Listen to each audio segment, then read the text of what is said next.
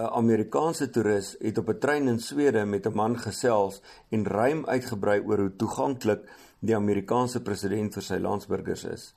Die man en die mede-passasiers het aandagtig na die selfvoldane Amerikaner gesit en luister. Daar was glimlagte op hulle gesigte.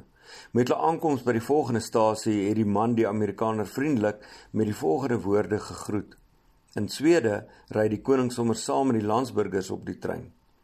Almal het die man vriendelik gegroet. Die Amerikaner was baie verbaas en het gevra: "Wie is die man?"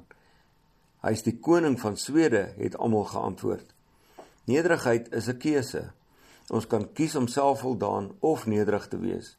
Die twee loop ongelukkig nie hand aan hand nie.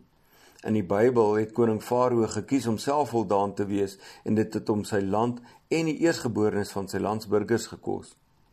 Die sterkste land van daardie tyd het tot 'n val gekom. Aan die ander kant weer word ons soms gedwing om nederig te wees. Israel, die volk van God, was soms hoogmoedig en het nie na God geluister nie. Daarom was hulle telke male in ballingskap weggevoer. Nederigheid kom deur gebed en geloof. Dit kom deur die krag van die Heilige Gees en is ook die vrug van die Gees.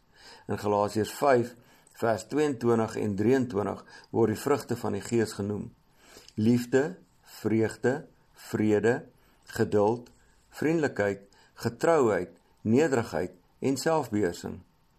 Die vraag ontstaan nou: Hoe word en bly ons nederig in vandag se uitdagende en veel eisende tye? Nederige mense is van elke situasie om hulle bewus. Situasionele bewustheid is 'n bewys van emosionele intelligensie. Jy is bewus van jouself, die mense om jou, elkeen se optrede en die sosiale dinamika daarvan. Situasiebewuste mense rig hulle fokus na buite en probeer om soveel as moontlik van die situasie te absorbeer. Hulle bou ook verhoudings. Studies het getoon dat nederige mense meer geneig is om hulle vriende te help as hulle trotse eweknee. As gevolg hiervan handhaaf hulle sterker persoonlike en professionele verhoudings. Nederige leiers skep 'n hardwerkende werksmag met 'n lae werknemersomset. Moeilike besluite word met gemak geneem. Aangesien nederige mense ander se behoeftes eerste stel, respekteer hulle die morele en etiese grense wat die besluit vereis. Besluitnemingskriteria word op 'n gevoel van gedeelde doel eerder as eie belang gebaseer. Ander mense word eerste gestel. Nederige mense ken hulle eie waarde. Daar is geen behoefte om vir ander te bewys hoeveel hulle weet nie. Inteendeel, nederige mense verstaan dat mens ander mense eerder gewaardeer wil word voor hulle wil weet hoeveel jy weet. Luister is 'n prioriteit. Beter weters wat jou altyd verkeerd wil bewys is irriterend. Vir hulle is dit waardevoller om eerder te praat as om te luister. Nederige mense luister egter aktief na ander voordat hulle aan die gesprek deelneem.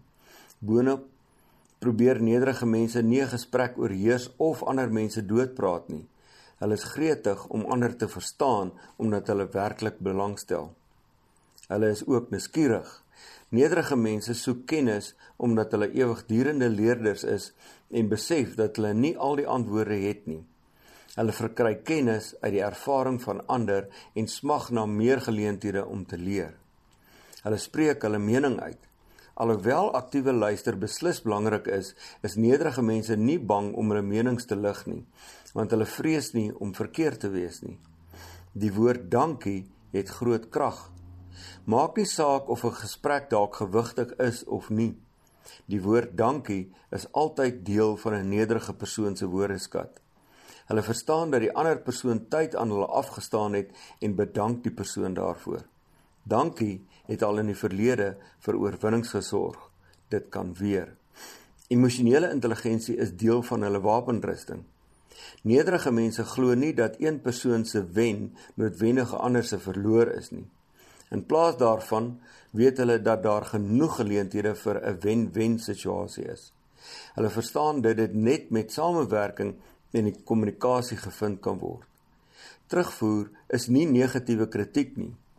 Nederige mense is nie net ontvanklik vir konstruktiewe kritiek nie, maar verwag dit ook omdat hulle weet dat terugvoer na verbetering lei. Verantwoordelikheid is 'n gegewe. In plaas daarvan om die skuld van die stelsel of die gedrag van ander as verskoning te gebruik, Aanvaar nederige mense verantwoordelikheid vir suksesse en mislukkings. Hulp word aanvaar. Deel van nederigheid beteken om te besef dat ek nie alleen al die antwoorde het nie. Jy's nie 'n mislukking as jy nie al die antwoorde ken nie. Nederigheid toon 'n gewilligheid om te leer en te ontwikkel. Twee dinge wat almal moet aankweek. Jy het niks om te verloor nie, maar alles om te wen. Jy het niks om te bewys nie, maar alles om aan ander te bied. Nederigheid is 'n heerlike reis.